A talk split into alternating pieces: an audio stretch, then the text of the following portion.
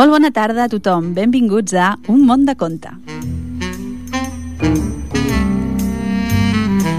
Com tots els dimecres, ens trobem aquí, al 91.3 de la FM, a l'emissora municipal, a Ripollet Ràdio.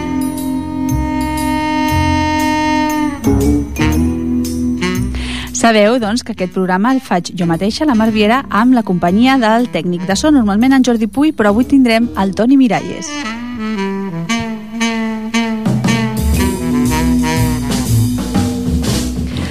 Aquesta setmana és una setmana curta, és a dir, divendres és festiu, divendres no hem d'anar ni a col·les ni a feines i podem dedicar-ho, doncs, bueno, a què res millor que llegir un bon llibre, a llegir uns quants contes, perquè tenim tot el dia per llegir contes, i per descobrir noves històries i deixar volar la nostra imaginació.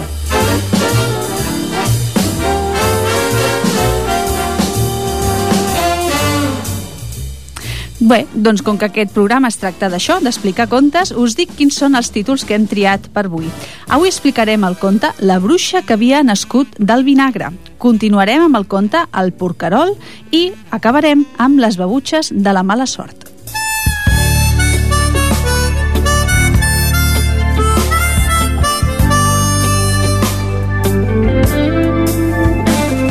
Algunes. Com sabeu, sempre aportem música al nostre programa i avui ho farem amb versions del Joaquín Sabina i ho farem amb les veus doncs, de cantants conegudes per tothom, com aquesta que sentim ara mateix per sota, la Rosario Flores, acompanyada doncs, d'altres com l'Anna Belén, etc. Bueno, ja, ja ho anirem explicant. A esa hora maldita en que los bares a punto están de cerrar. Cuando el alma necesita, hay un cuerpo que acariciar.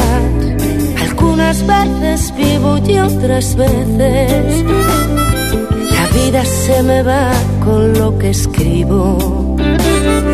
Doncs deixem a la Rosario Flores per una miqueta més tard. I com sabeu, doncs sempre abans de començar amb les nostres històries, jo m'enrotllo una miqueta, us porto algun altre tema, coses curioses doncs, que tenen de vegades a veure amb els contes o de vegades a veure amb el món literari.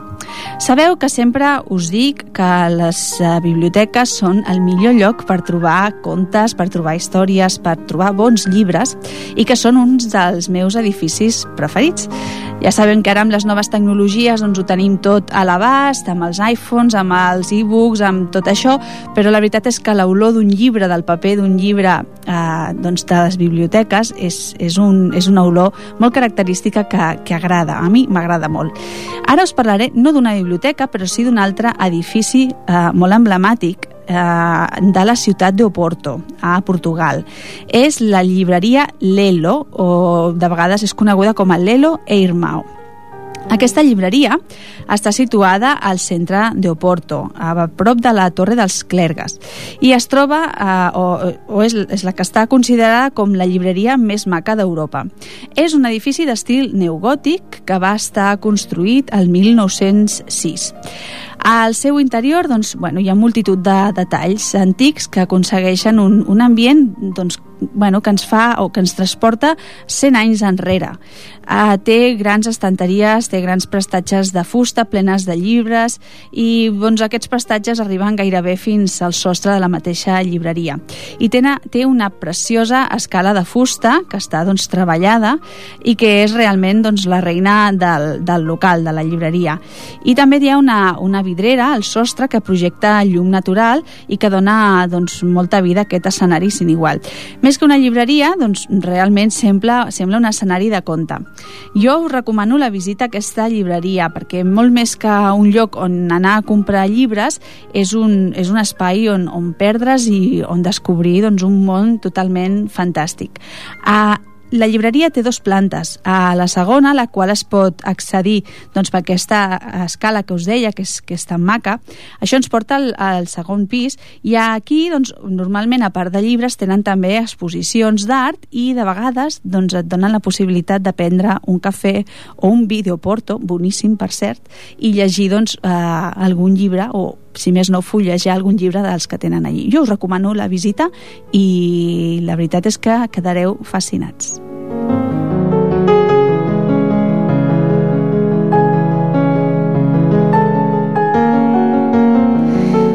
Molt bé, doncs, com us deia, portàvem tres històries per avui. La primera és eh, La bruixa que havia nascut del vinagre. És un llibre escrit per Marie-François Grillot-Canter i és un llibre doncs, que la veritat m'ha semblat molt graciós i molt oportú per portar-lo aquesta tarda.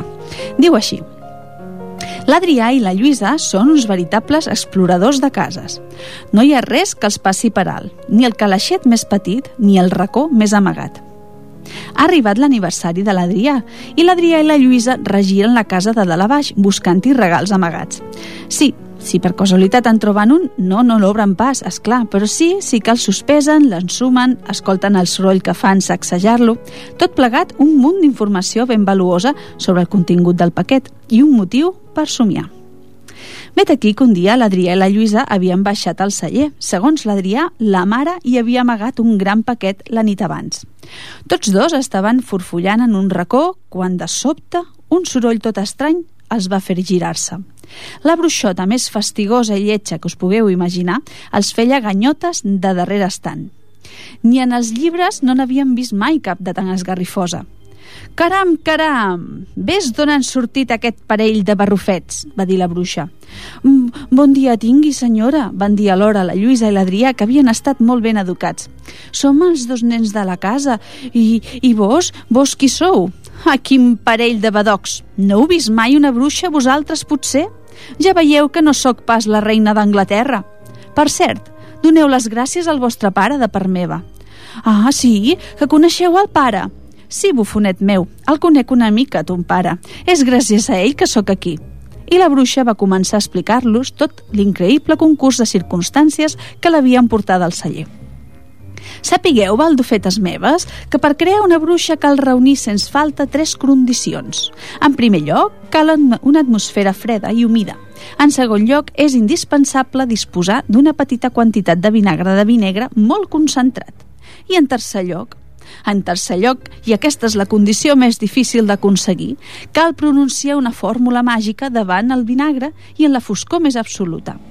L'atzar ha volgut que l'altre dia el vostre pare baixés al celler i no hi trobés l'interruptor. Vet aquí la foscor. Hi havia, va continuar la bruixa, sobre aquest prestatge una vella ampolla amb un cul de vi que s'havia tornat vinagre. Aquell dia la vostra mare havia demanat al pare que anés a buscar un paquet de pèsols. I ves per on, reietons meus, pareu bé les orelles que la fórmula màgica per a crear bruixes és precisament Com vols que trobi els pèsols si no m'hi veig?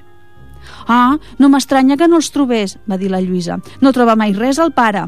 És cert, rateta meva, se'n reia la bruixa. Per cert, que aquell dia vau menjar fideus però sapigueu que les brometes tot just acaben de començar. Ja veureu ja com n'és de desagradable de tenir una bruixa al soterrani, perquè sóc extraordinàriament dolenta. D'ençà d'aquell dia, l'Adrià i la Lluïsa van poder comprovar que allò que anava de debò. La vida es va convertir en un veritable infern. La bruixa no els deixava veure mai, però es feia, en feia de tots colors, i els dos nens se les carregaven sistemàticament. Un dia, es va fer la pataca als llits i els va posar pebre als mocadors. I de més grosses, va invertir les aixetes de manera que el primer dia la mare es va rentar el cap amb aigua glaçada i va escaldar l'enciam amb aigua bullent. El saler era ple de sucre. I a la sucrera, què hi penseu que hi havia? Doncs a la sucrera hi havia ficat sal. La nevera va començar a coure els iogurts i el forn congelava els, pollastres. La rentadora embrutava la roba, el televisor només deixava veure un canal i per acabar-ho d'adobar, aquella criatura horrible havia fet tractes amb el gat perquè també en fes de les seves. L'animal es va tornar diabòlic i tombava tot el que trobava. Els pares, esgotats de tantes nits sense poder dormir, tenien els nervis de punta. Cada dos per tres a la nit, la bruixa els anava a fer pessigolles als peus i els renyaven, i ells renyaven els nens tant si deien que sí com que no. L'Adrià, però, va arribar a una gran conclusió. Si hi havia una fórmula per crear les bruixes, bé hi devia haver un mètode per a fer-les desaparèixer. Només calia trobar-lo. Vet aquí. No sabem pas per on començar, l'Adrià va mirar la guia de telèfons a les més famoses pàgines grogues. A la pàgina 497, entre desballestaments i desinfecció, hi va trobar una rúbrica de desembruixament, que indicava l'adreça dels centres SOS Malèfica, especialitzats en la cacera de bruixes. L'Adrià i la Lluïsa hi van demanar hora de seguida. Els centres SOS Malèfica estava, estaven instal·lats en una petita botiga tota blanca, amb les parets plenes de prestatgeries, i aquestes corulles de flascons estranys i de llibres de bruixeria. Una senyora encantadora, tota petitona, els va atendre molt amablement i els va començar a preguntar tot tipus de coses sobre els costums de la bruixa.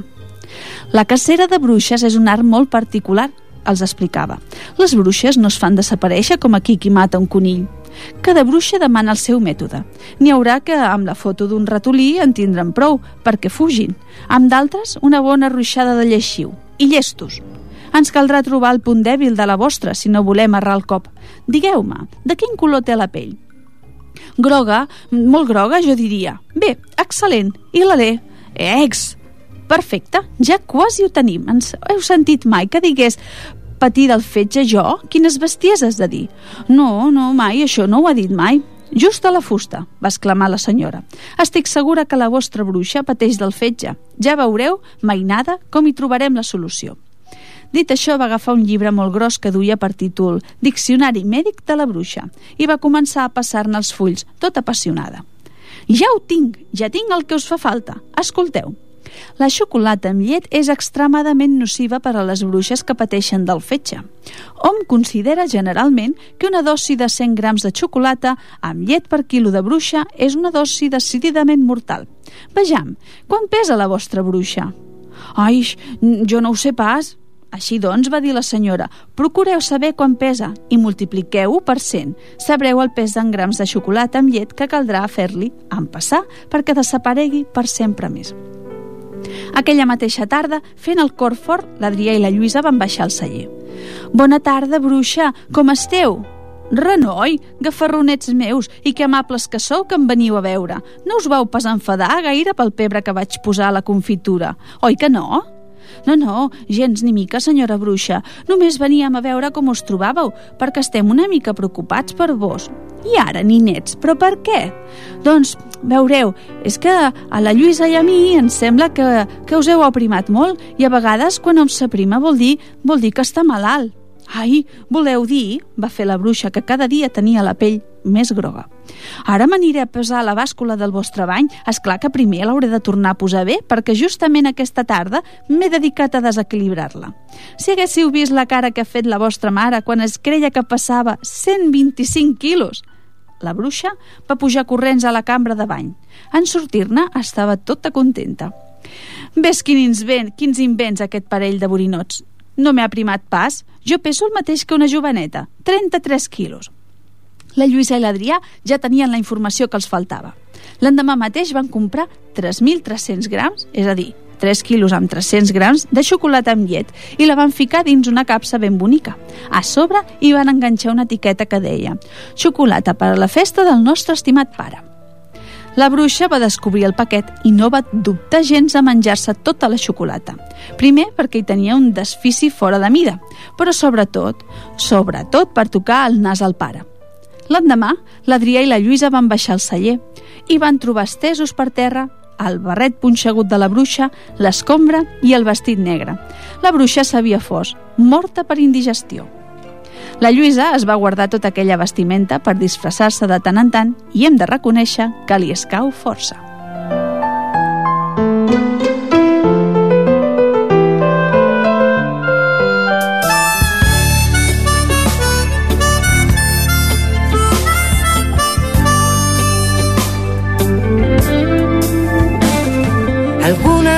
Veces vuelo y otras veces me arrastro demasiado a ras del suelo.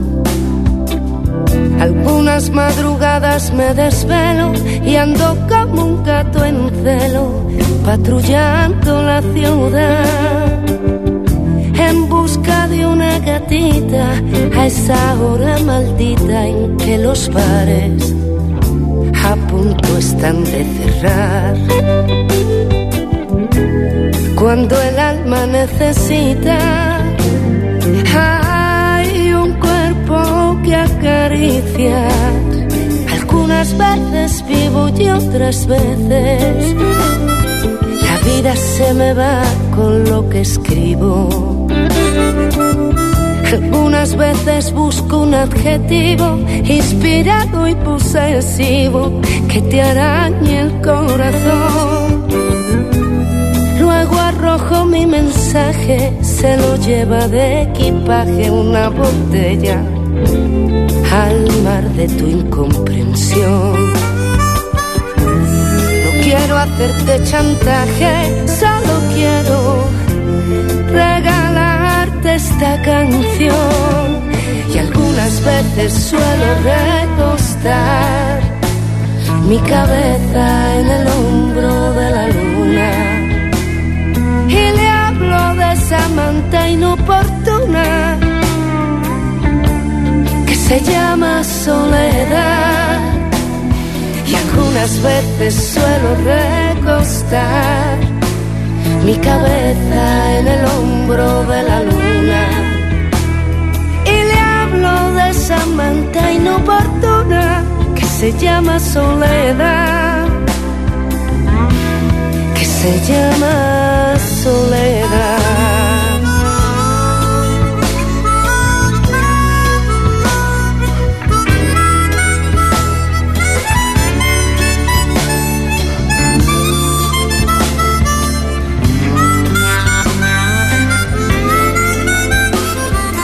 Algunas veces gano y otras veces pongo un circo y crecen los enanos.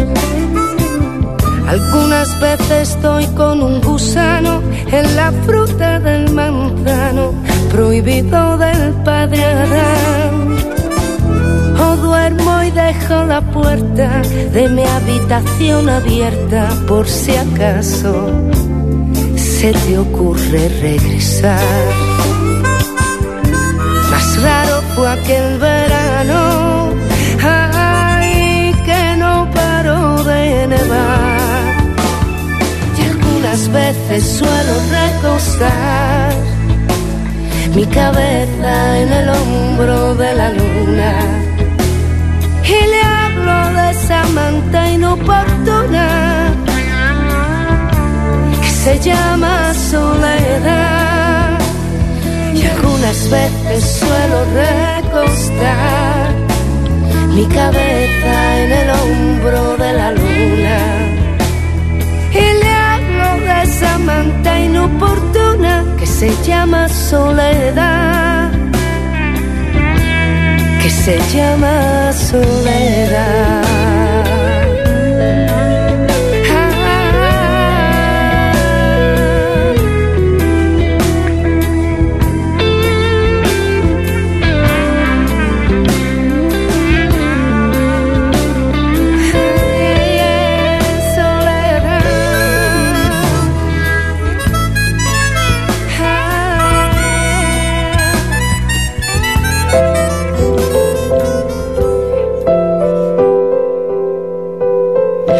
Doncs aquesta era la veu de la Rosario Flores, amb el tema que se llama Soledad. Com us he dit al començament, avui escoltarem versions de cançons del Joaquín Sabina d'un àlbum que es deia Entre totes les mujeres. En realitat són 13 les eh, cantants que fan aquest homenatge a en Joaquín Sabina i aquest àlbum doncs, va estar produït per un altre dels grans, pel Víctor Manuel. Doncs bé, eh, ara llegirem el segon conte, que és el que es titula El porcarol.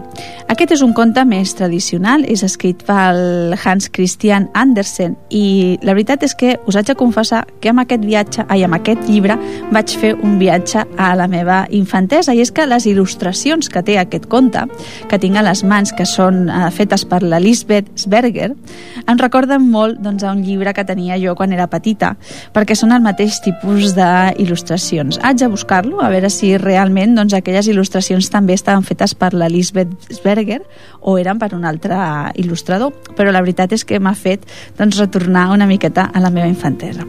Doncs comencem amb aquest conte, el porcarol.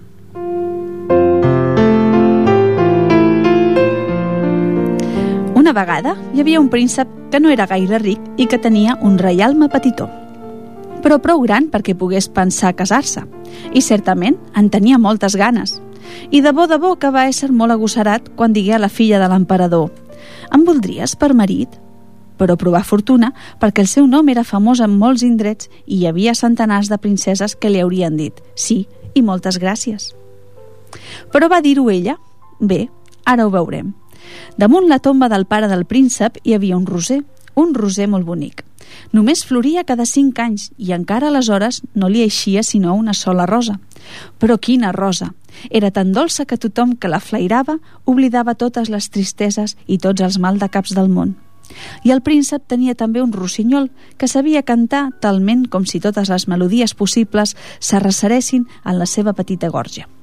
Aquella rosa i aquell rossinyol havien de ser per la princesa, i així van posar-los en grans cistells d'argent i els van trametre a palau. L'emperador va fer-se dur els presents a la gran sala on la princesa jugava a visites amb les seves cambreres d'honor. No tenia res més a fer. I quan va veure els cistells d'argent amb els presents a dintre, de tan contenta es posà a picar de mans. «Ai, si almenys fos un gatet petitó», va dir ella, però només era la rosa bonica. «Oh, que bonica! Que ben feta!» van dir totes les dames de la cort. «És més que bonica», digué l'emperador. «És encantadora». Però la princesa va tocar-la i gairebé es posa a plorar. «Uix, papà», digué, «no és artificial, és una rosa natural». «Uix», digué tota la cort, «és una rosa natural». Mirem primer el que hi ha a l'altre cistell abans d'enfadar-nos, digué l'emperador. I aleshores així el rossinyol i va cantar tan bellament que durant un moment no van saber què dir en contra d'ell. Superb, charmant, digueren les cambreres d'honor. Clar, totes elles parlaven francès, totes prou malament. Ai, com em recorda aquest ocell la caixeta de música de la difunta emperadriu estimada, va dir un vell cavaller. Ah, sí, és el mateix to, la mateixa expressió. Sí, digué l'emperador, i plorava com una criatura. Suposo que no és pas un ocell de bo de bo, feu la princesa. Sí, sí que ho és, digueren els qui l'havien portat.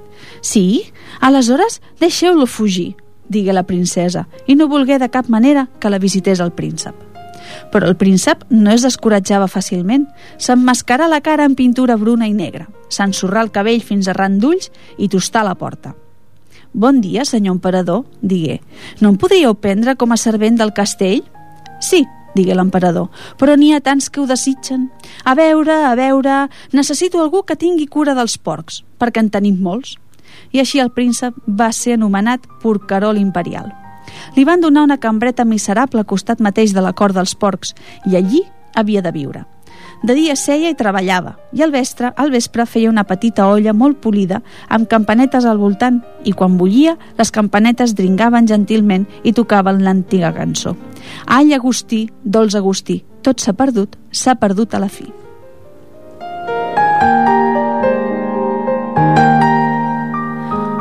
Però la cosa més enginyosa que tenia aquella olla era que, posant un dit al fum que feia, es podia flairar tot seguit quina mena de sopar cuien a tots els fogons de la vila. Allò era una cosa ben diferent de la rosa.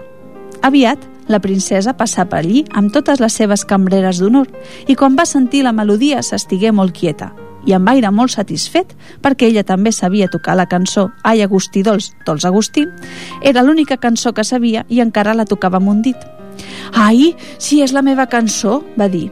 Aquest deu ser un porcarol molt ben educat. Escolteu, entreu-hi i pregunteu-li quan val aquest instrument. Així doncs, una de les cambreres d'honor hi hagué de córrer, però de primer es va posar els esclops. Quan en voleu d'aquesta olla? digué la cambrera d'honor. En vull deu petons de la princesa, contestà el porcarol. Jesús Maria Josep, exclamà la cambrera d'honor.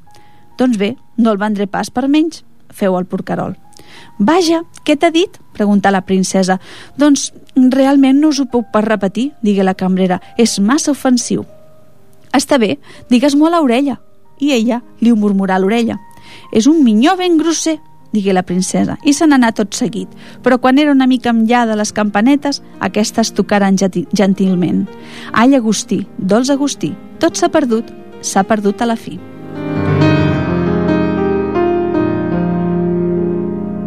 Escolteu, digué la princesa, pregunteu-li si li seria igual deu petons de les meves cambreres d'honor. No, gràcies, va dir el porcarol, deu petons de la princesa o bé em quedaré l'olla. Que és pesat, crida la princesa, però almenys haureu de posar-vos al voltant perquè ningú no ho vegi. I les cambreres d'honor es van posar al seu voltant i van estendre llurs farlilles. I així el porcarol va tenir els deu petons que volia i la princesa l'olla. Després, quin divertiment! Tot aquell vespre i tot l'endemà van tenir l'olla bullint. No hi havia cap cuina en tota la vila de la qual no sabessin que s'hi coia, tant la del sabater com la del carmelenc. Les dames ballaven de tan contentes i picaven de mans. Sabem qui menjarà sopa dolça i bunyols i qui menjarà potatge i costelles? Oh, que és interessant! Molt, molt interessant, digué la que curava de les robes. Sí, però feu el favor de callar perquè sóc la filla de l'emperador. Jesús, Maria i Josep, van fer totes plegades. El porcarol, o sigui, el príncep, però naturalment elles no sabien que no era un porcarol de bo de bo, no deixava passar cap dia sense fer una cosa o una altra. I un dia va fer una matraca. Quan algú la feia giravoltar, podien ballar tots els balsos, galops i polques coneguts d'ençà que el món és món. Però això és super, digué la princesa quan passà per allí. Mai no he sentit una cosa més bonica. Escolteu, entreu-hi i pregunteu què val l'instrument, per a ni un sol petó més. Em vols cent de petons de la princesa, digué la cambrera d'honor que havia entrat a preguntar-ho. Penso que deu ser boig, feu la princesa, i se n'anà.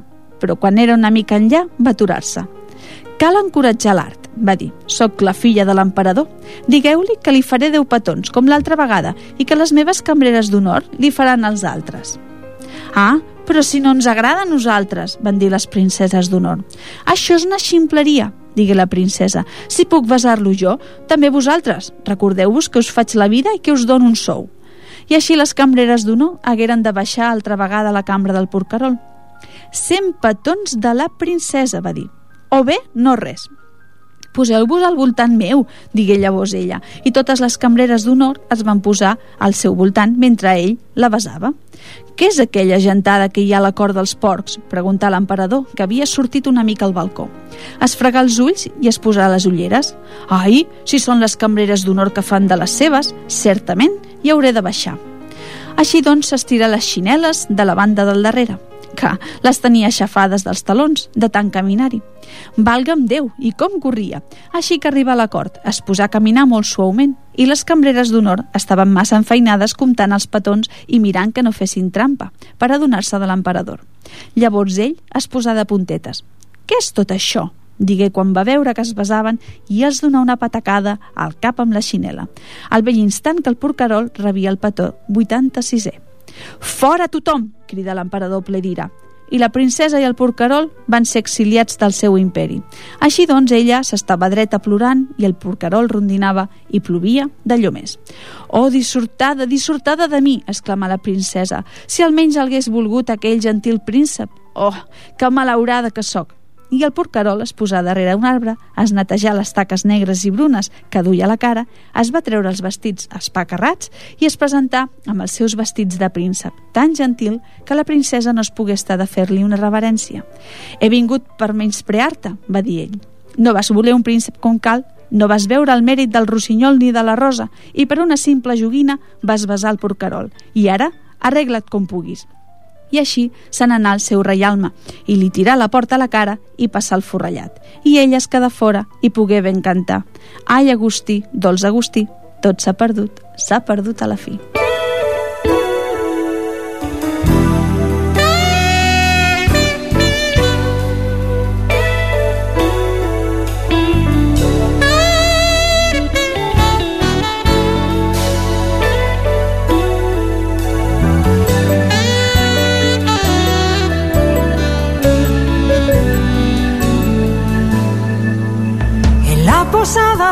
Fracaso donde no hay consuelo ni ascensor.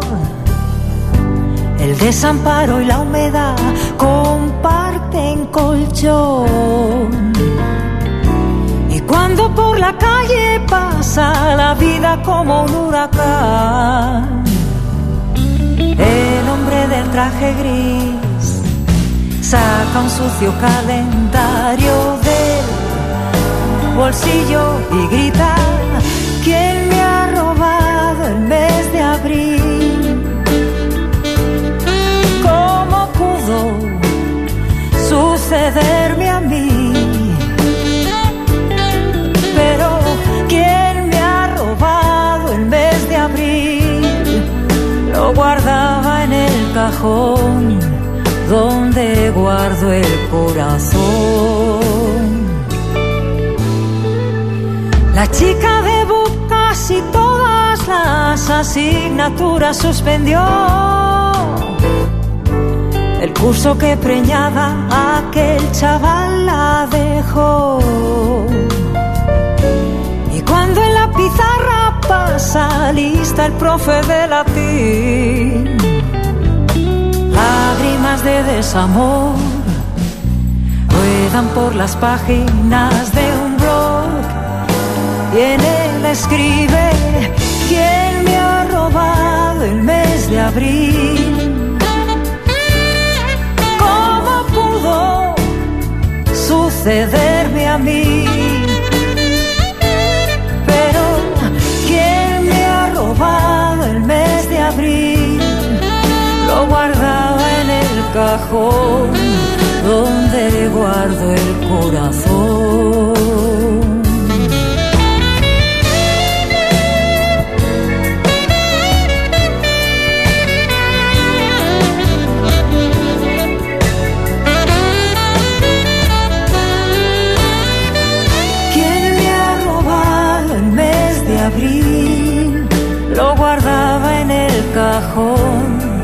Donde guardo el corazón.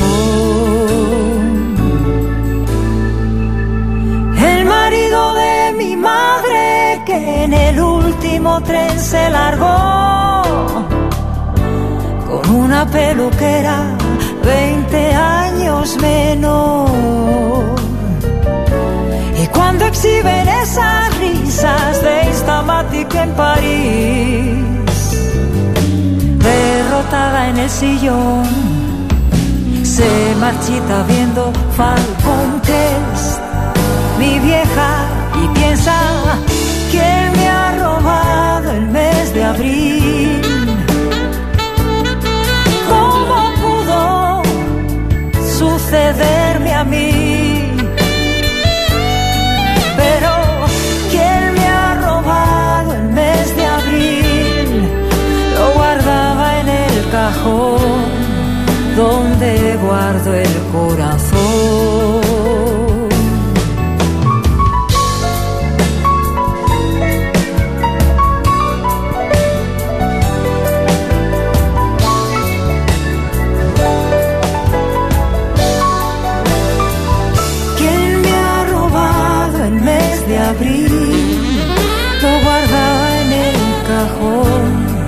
Donde guardo el corazón.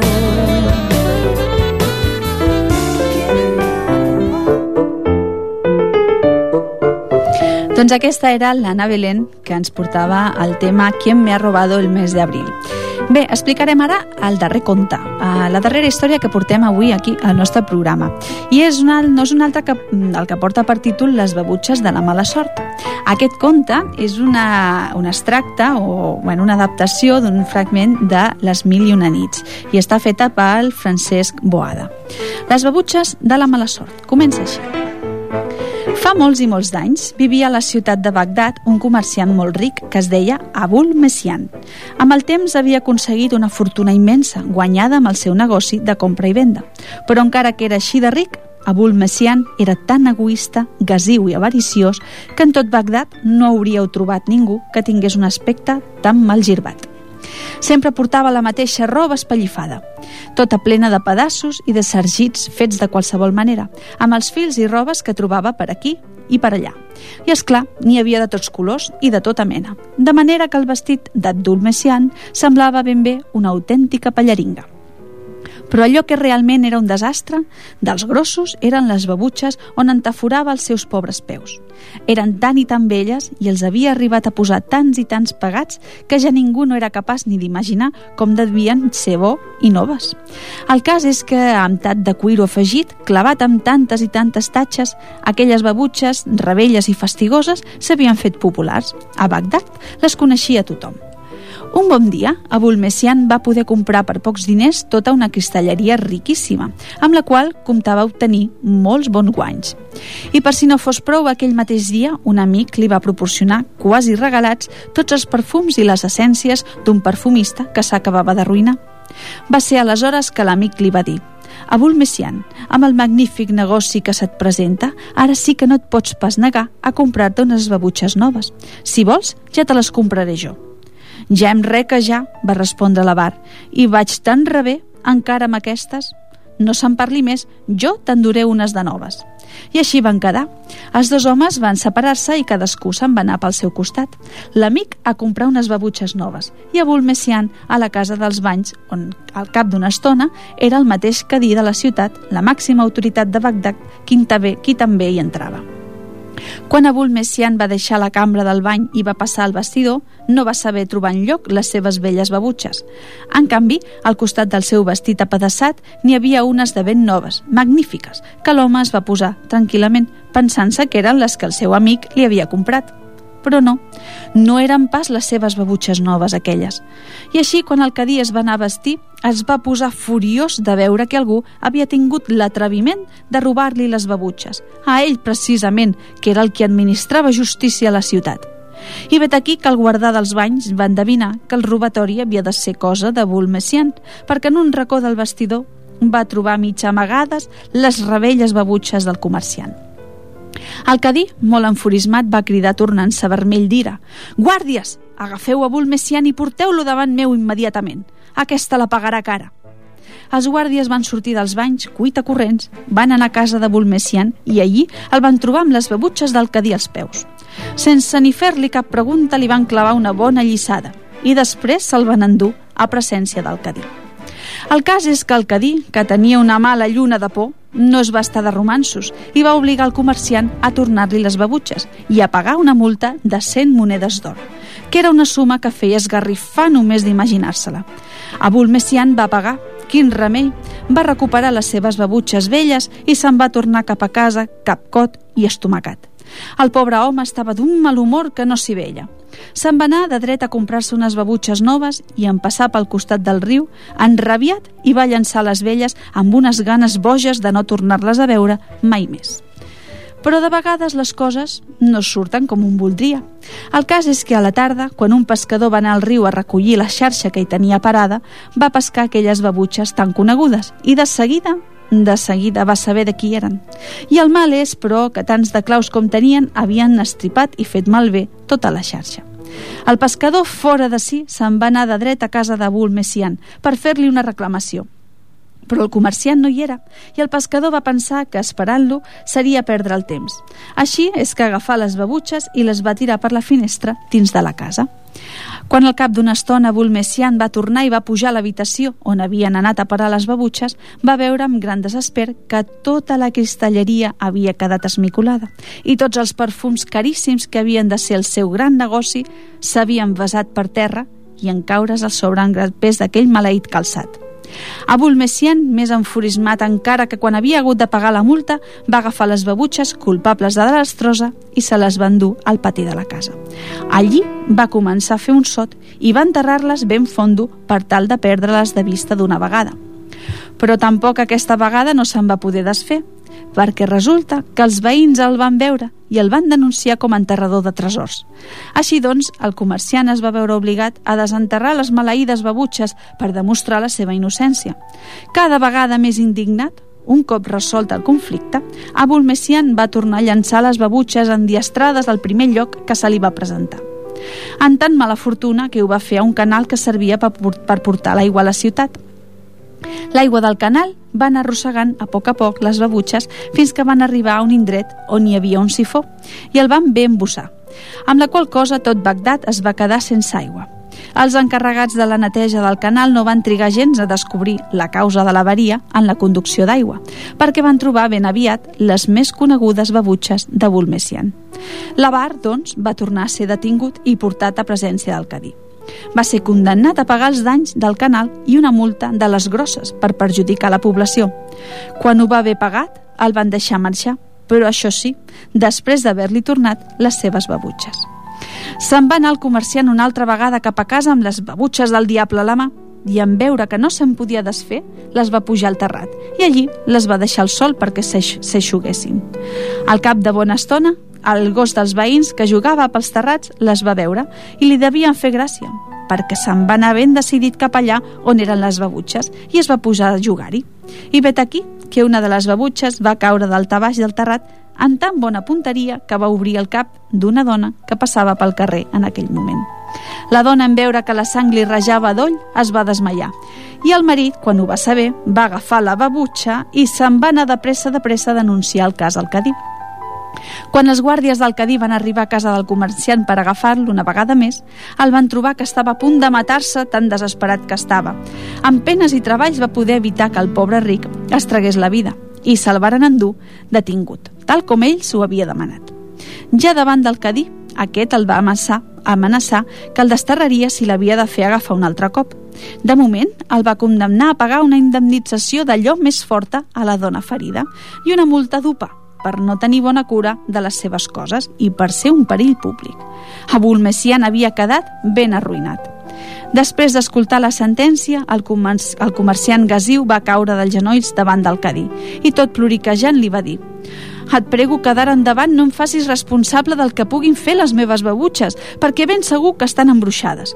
Si jo les vaig deixar al terrat perquè s'assequessin i no les ha tocat a ningú, com pot ser que n'hi hagi una que hagi caigut al carrer?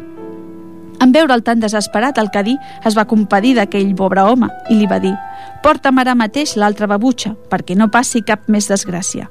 Jo te les guardaré. De moment et perdono la multa, però amb una condició. M'has de jurar i rejurar que des d'ara mateix deixaràs de ser tan avariciós i que mai més, mai més, no clavaràs ni un sol clau a cap altra babutxa.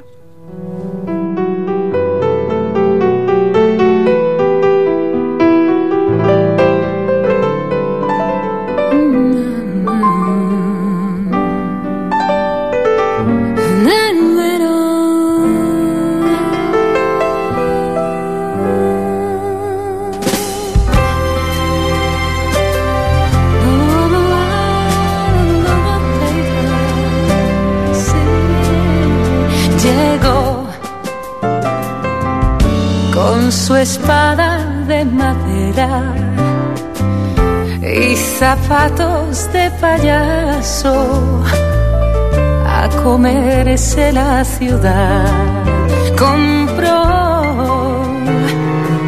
suerte en Doña Manolita y al pasar por las cibeles quiso sacarla a bailar un bar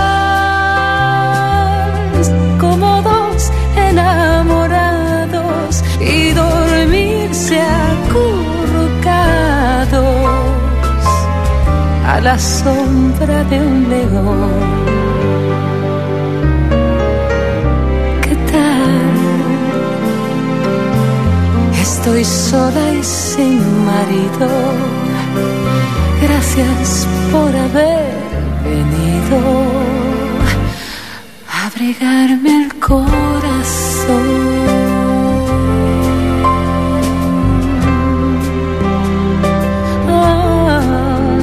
ayer, a la hora de la cena, descubrieron que faltaba el interno 16, tal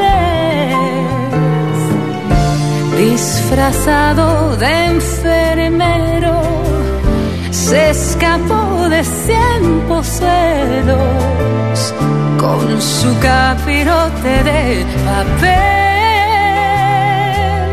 Y a su estatua preferida un anillo de pedida le robó en el corte inglés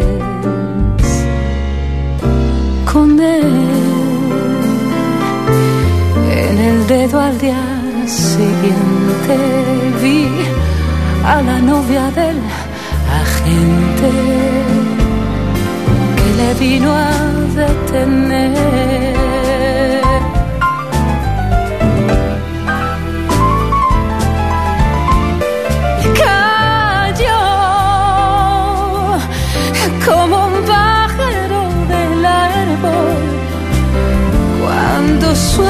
Abrazo de mármol me obligaron a soltar. Y quedó Doncs suposo que l'haureu reconegut. Aquesta era la Soledad Jiménez i el tema a la sombra d'un león. No sé si recordeu que la Soledad Jiménez doncs, era la, la solista de Presuntos Implicados. Bé, doncs hem arribat al final d'aquest programa. Oh, sí, és una llàstima, però se'ns acaba el temps.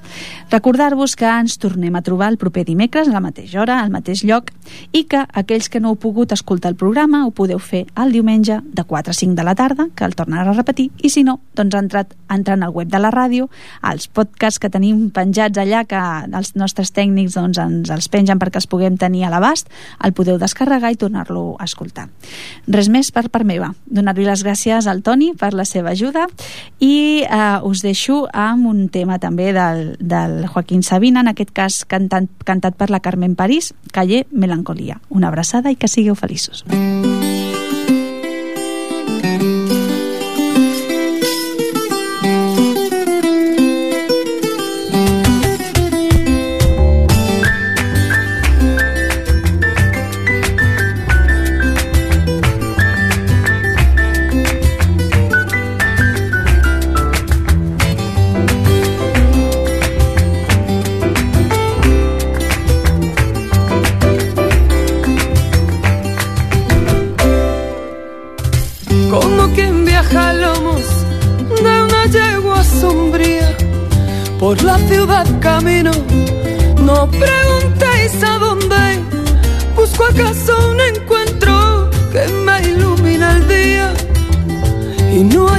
que puertas que niegan lo que esconden las chimeneas vierten su vómito de humo a un cielo cada vez más lejano y más alto. Por las paredes ocres se desparrama el zumo de una fruta de sangre crecida en el asfalto. Ya el campo estará verde, debe ser primavera. Cruza por mi mirada un tren interminable. El barrio donde habito no es ninguna pradera desolado paisaje de antenas y de cables. Vivo en el número 7, calle melancolía. Quiero mudarme hace años al barrio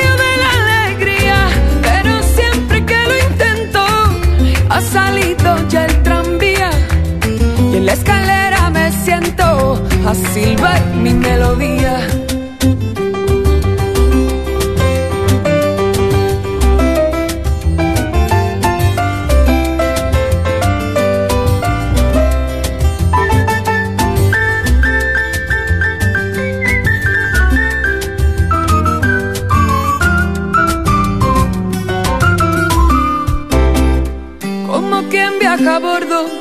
De un barco enloquecido que viene de la noche y va a ninguna parte. Así mis pies descienden la cuesta del olvido, fatigados de tanto andar sin encontrarte. Luego de vuelta a casa, enciendo un cigarrillo ordeno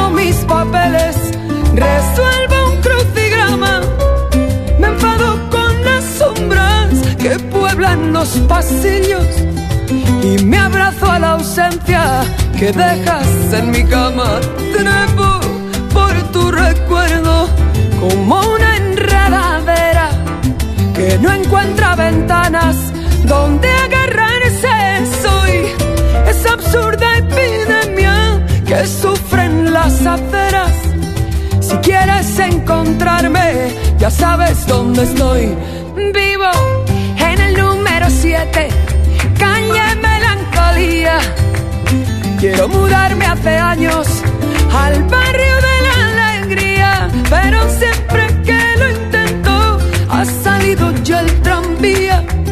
Y en la escalera me siento a silbar mi melodía.